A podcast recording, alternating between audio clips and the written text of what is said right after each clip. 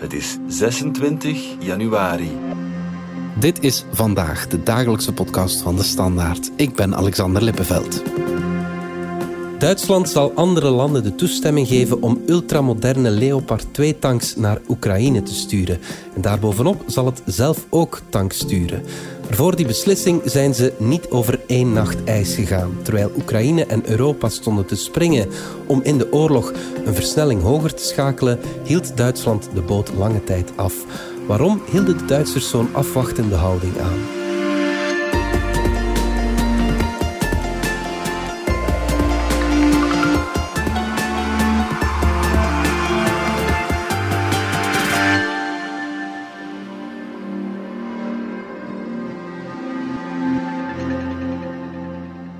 Ich konnte erfreulicherweise berichten, dass die Entscheidung der Bundesregierung gefallen ist, Leopard-Panzer 2A6 in die Ukraine zu liefern. Äh, ich habe das unterstrichen mit der Bemerkung, dass ich darüber froh bin, dass ich äh, die Entscheidung für richtig halte, dass es eine historische Entscheidung ist in vielerlei Hinsicht, aber gleichzeitig auch kein Anlass für Halleluja. Dat was Boris Pistorius, de nieuwe Duitse minister van Defensie, die de levering van de Leopard 2-tanks aankondigt. Hij is tevreden, zegt hij, maar het is geen reden om halleluja te zeggen. Corianke, onze Duitsland-correspondente. We hadden het in een eh, vorige podcast met onze collega Dominique al over het feit dat de tijd van enkel defensieve wapens naar uh, Oekraïne te sturen, dat die voorbij is. Europa is bereid om offensieve wapens te leveren. De heilige graal voor Oekraïne, dat bleven die Leopard 2-tanks. En die hebben een tijdje op zich laten wachten. Waarom is dat voor hen zo belangrijk? Ja, die Leopard 2-tanks, daar wordt van gezegd dat dat bij, bij de beste uh, ter wereld zijn. Ze zijn vrij snel, ze kunnen 70 km per uur gaan. En de, de meest recente versie, die zou 5 kilometer ver kunnen schieten.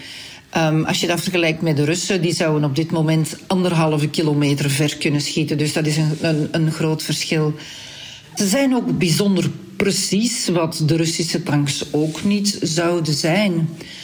En er zijn er enorm veel van. Op dit moment in Europa hebben 14 landen Leopard 2 tanks. Dus als een aantal landen uh, die tanks zouden leveren in een zo zogenoemde Leo, uh, Leopard-coalitie. Uh, dan is dat voordeel dat uh, die munitie kunnen uitwisselen, dat die uh, onderdelen, herstelstukken kunnen uh, uitwisselen. Terwijl dat is nu op dit moment aan het front een van de problemen, omdat er zoveel verschillende wapentuigen circuleren, waardoor de aanvoerlijnen, zowel voor munitie als voor onderdelen, bijzonder moeilijk zijn. Dus iemand zei erover, dat is eigenlijk een, een logistieke nachtmerrie. Bijvoorbeeld de HIMARS, de, de raketsystemen, die kunnen uh, ehm, 80 kilometer ver schieten. Dus eigenlijk kunnen die verder geraken dan, dan de Leopard-tanks. Maar het probleem daarvan is dat die munitie ongelooflijk duur is. Terwijl uh, de, de, munitie die, uh, die de tanks gebruikt, de Leopard-tanks gebruiken, zijn veel goedkoper. Ja, oké. Met andere woorden, het kan echt wel een gamechanger zijn in de in de oorlog, die tanks. Dat is toch wat de Oekraïners hopen. Ja, zij hopen dat het een gamechanger wordt, omdat in Duitsland zeggen specialisten ook dat je uh, eigenlijk verschillende Russische tanks nodig hebt om één Leopard-tank uit te schakelen. Een Leopard-tank zou gemakkelijk een Russische tank kunnen raken, uh, terwijl omgekeerd is dat uh, niet het geval. De levering van zware wapens aan Oekraïne werd vrijdag besproken in het Duitse Ramstein, in de luchtmachtbasis daar. Toen gingen we er eigenlijk al van uit dat er zou beslist worden om tanks te leveren. Maar dat was toen niet het geval. Was die, die bijeenkomst toen van legerchefs en buitenlandministers, was dat toen een mislukking? Zo leek het er wel op, hè, in eerste instantie. Duitse kranten die zijn daarna een beetje gaan polsen bij Amerikaanse diplomaten. En blijkbaar moet daar achter de schermen uh, heel zware gesprekken gevoerd zijn tussen de Amerikanen en de Duitsers. En de Amerikanen zouden zich volgens die Süddeutsche krant toch blauw geërgerd hebben aan de Duitsers die altijd blijven zeggen dat zij geen, en ik zal het op zijn Duits zeggen, alleinganger wilden zijn. Dus dat zij niet op hun eentje um, offensieve zware materiaal wilde leveren aan het Oekraïense leger.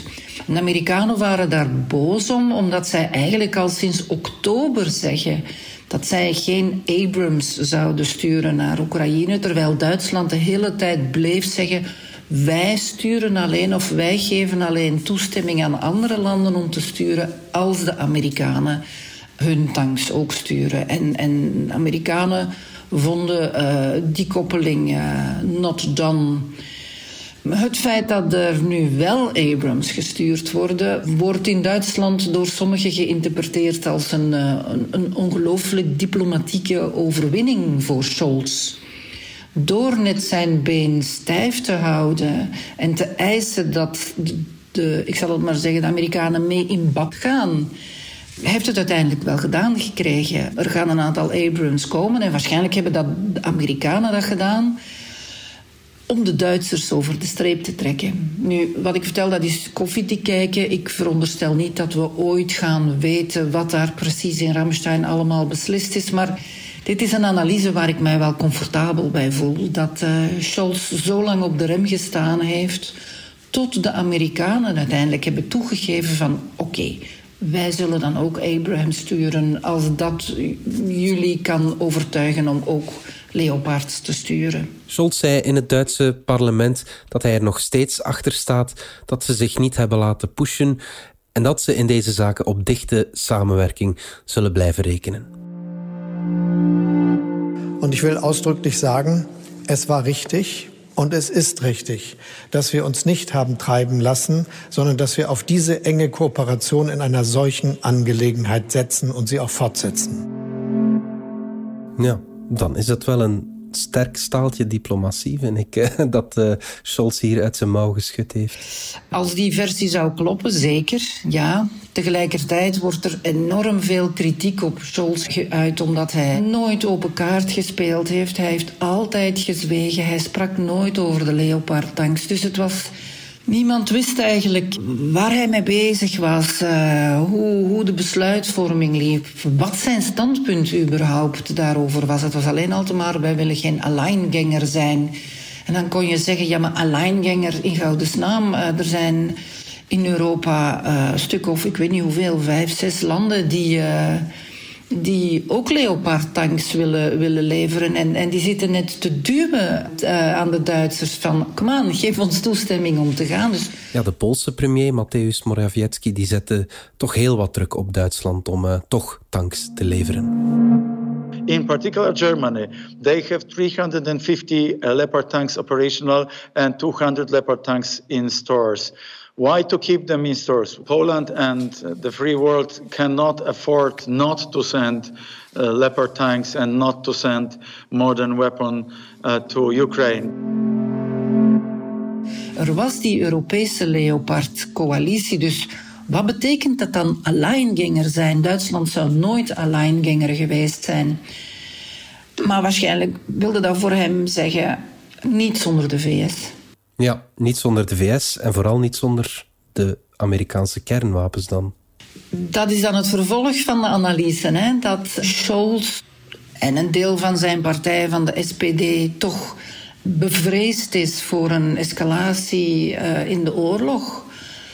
Toch misschien niet helemaal uitsluit dat de Russen dan toch een tactisch kernwapen zullen bovenhalen. En als er alleen een Europese coalitie van tanks zou zijn, van de landen die Leopard sturen, heeft er geen enkel land kernwapens. Als de Amerikanen mee in het bad gaan, dan ziet uh, het Kremlin dat naast die Europese coalitie daar de grote broer staat uh, die kernwapens heeft. En dan krijg je een andere machtsverdeling terug. Dus Mogelijk is dat met dat alleinganger, dat, hebben, dat, Scholz misschien daarmee wilde zeggen van... Zolang wij geen dekking hebben van een supermogendheid met kernwapens, uh, doen wij het niet. Je mag ook niet vergeten, voor, voor uh, de Russen ligt uh, de komst van Duitse tanks bijzonder gevoelig. De Tweede Wereldoorlog rakelen de Russen heel gauw op Dus ik denk dat dat ook meegespeeld heeft, of zou kunnen meegespeeld hebben in Scholz en zijn gedachtegang van uh, als de Amerikanen aan onze zijde staan, dan is dat negatief Duits, post-nazi uh, geurtje uh, helemaal weg. Dan, dan staat daar een, een internationale coalitie. In het begin van de oorlog stonden de Duitsers vaak ook op de rem wat betreft sancties, uh, Europese sancties dan tegenover Rusland. Dat ging dan vooral over die historische relatie uh, tussen Duitsland en Rusland, economische relatie ook. Speelt dat vandaag nog steeds mee? Het zou kunnen dat dat in, in Scholz zijn uh, overwegingen heeft ook meegespeeld.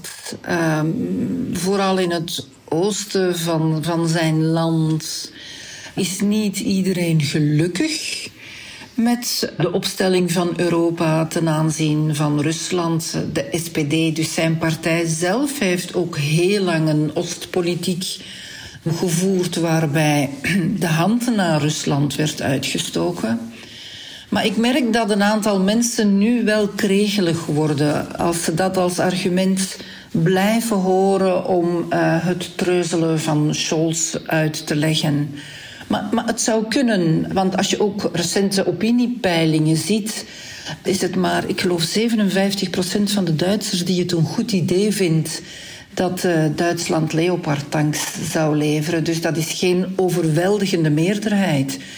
Dus dat zal het draagvlak in eigen land voor, voor het sturen van dat soort wapens is kleiner dan bijvoorbeeld in Polen. Dat, dat is heel duidelijk.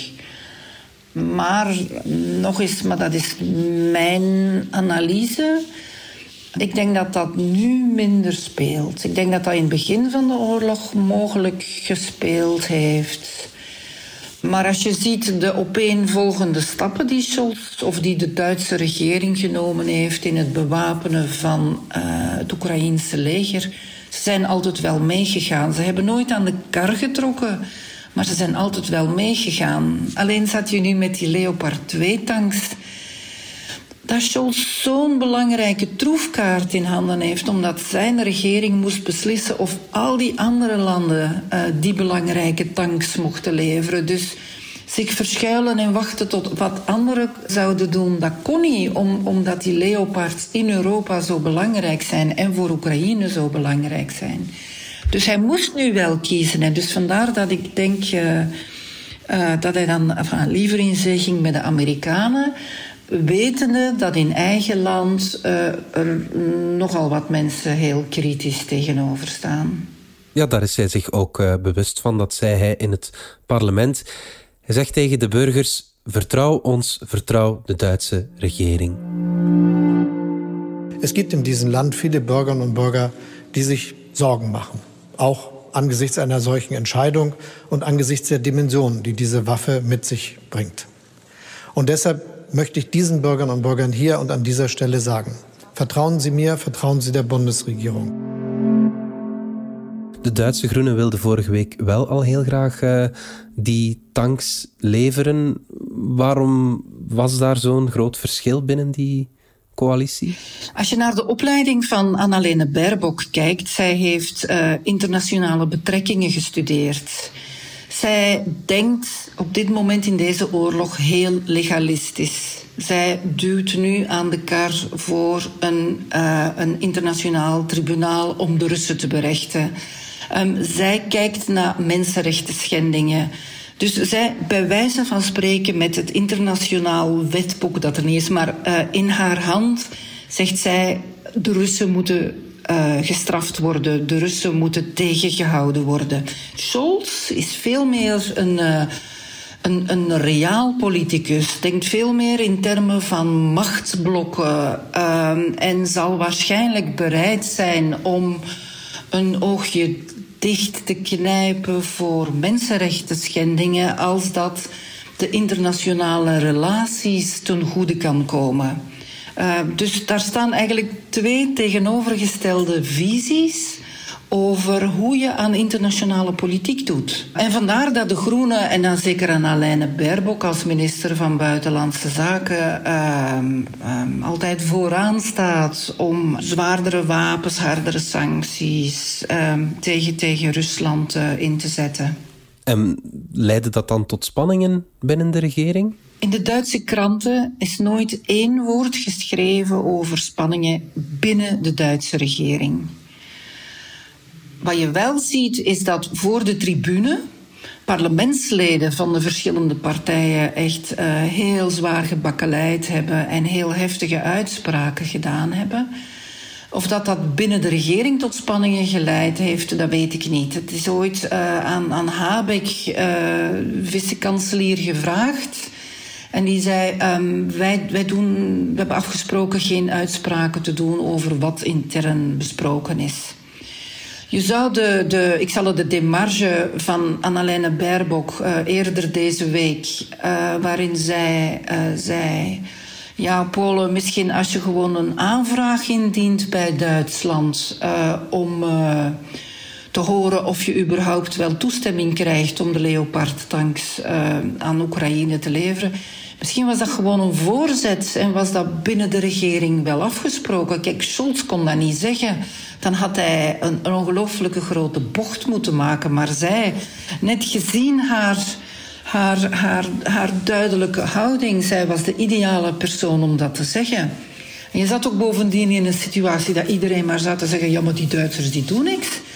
Terwijl um, het, het was al een week duidelijk dat uh, geen enkel land op dit moment had aangevraagd of ze dus, dus die uh, speciale licentie hadden aangevraagd om aan Oekraïne te mogen leveren. Geen enkel land had dat gedaan. Dus Baerbock zei gewoon, uh, probeer het eens. En ik denk dan dat Baerbock zoiets niet zou zeggen als zij niet zou weten dat dat wordt goedgekeurd. Want anders staat zij ook voor gek. Straks praten we nog verder over de wapenleveringen aan Oekraïne en de mogelijke reactie van Rusland. Maar eerst gaan we even uit voor reclame. De technologische innovaties en interessante condities bij Mercedes-Benz zetten je rijervaring werkelijk op zijn kop. Kom in januari langs bij Hedin Automotive en ontdek de vele ingenieuze luxe, veiligheids- en comfortpakketten op een breed gamma aan toonzaalmodellen. Of ervaar het gewoon zelf tijdens een uitgebreide proefrit. Ontdek onze voorraad aan stokmodellen op hedinautomotive.be of kom langs in een van onze 20 showrooms.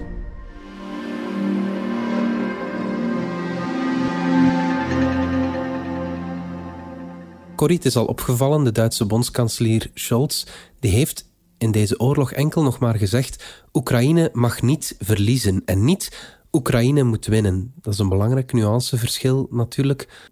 Leeft daar een andere perceptie over de oorlog dan bij ons? Ik weet niet precies wat, wat, wat onze perceptie is hè, daarover. Um, maar het valt mij op dat uh, de SPD vooral rekening houdt met het postoorlog toestand.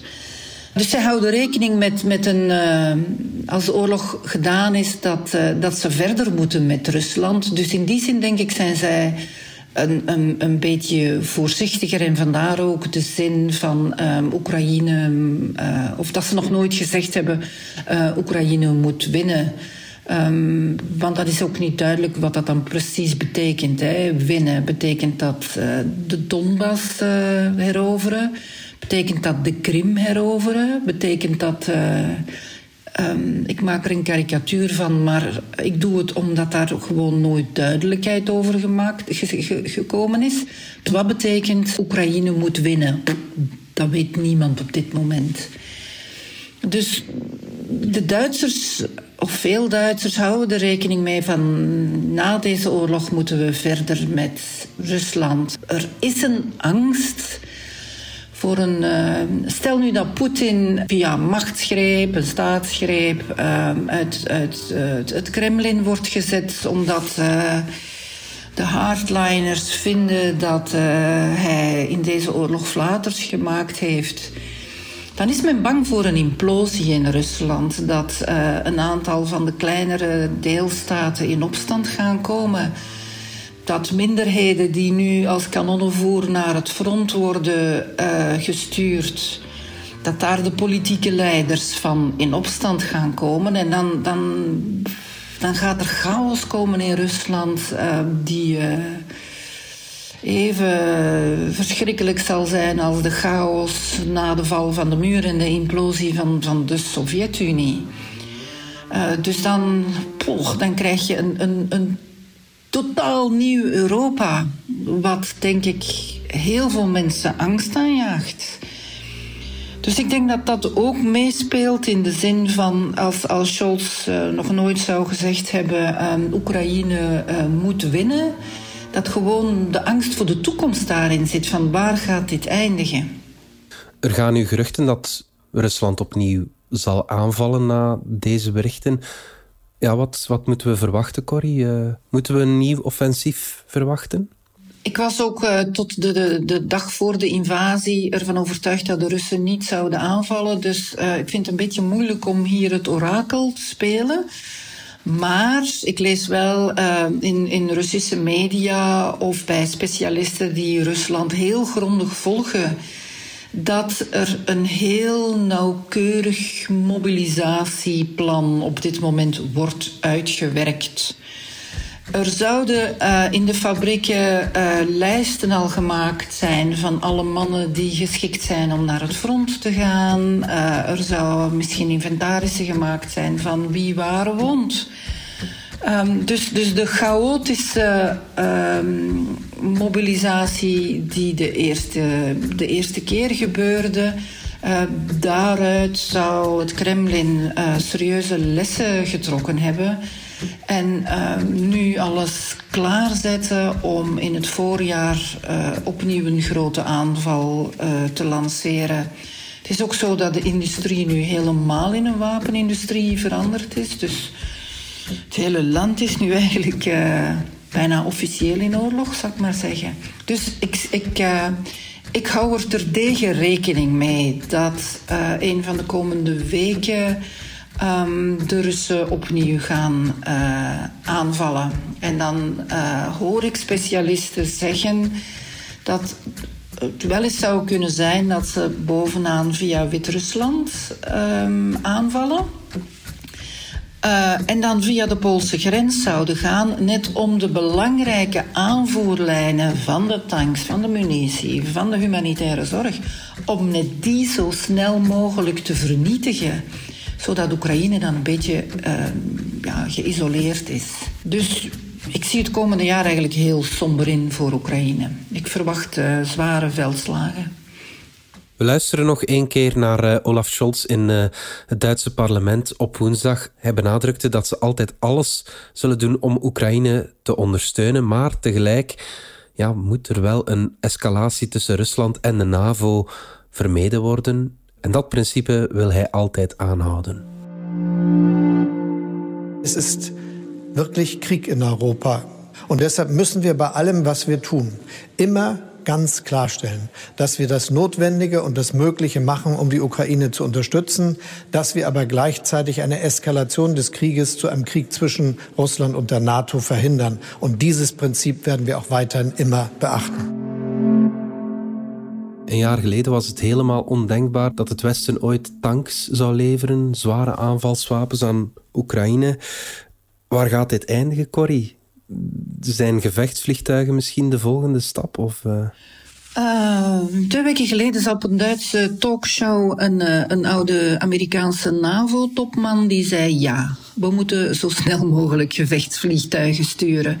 Dus bij een aantal, uh, in ieder geval militairen, zit dat al wel in hun hoofd. Oekraïne begint ook gevechtsvliegtuigen te vragen. Dus ja, waar gaat dit eindigen? Hè? Dat is ook een beetje in Duitsland en dan binnen de SPD, de partij van Scholz, de grote angst van: uh, oké, we sturen nu tanks, wat is de volgende stap? En wat willen we? Um, willen we dat de Krim bevrijd wordt? Willen we dat Donbass bevrijd wordt? Wat, wat is het einddoel voor ons? Hoe ver gaan wij meegaan? met de Oekraïners. Dat is onduidelijk. Europa zou eens moeten uh, en misschien de Amerikanen um, nadenken en voor zichzelf duidelijk maken van oké, Oekraïne, wij steunen jullie tot daar, maar niet verder.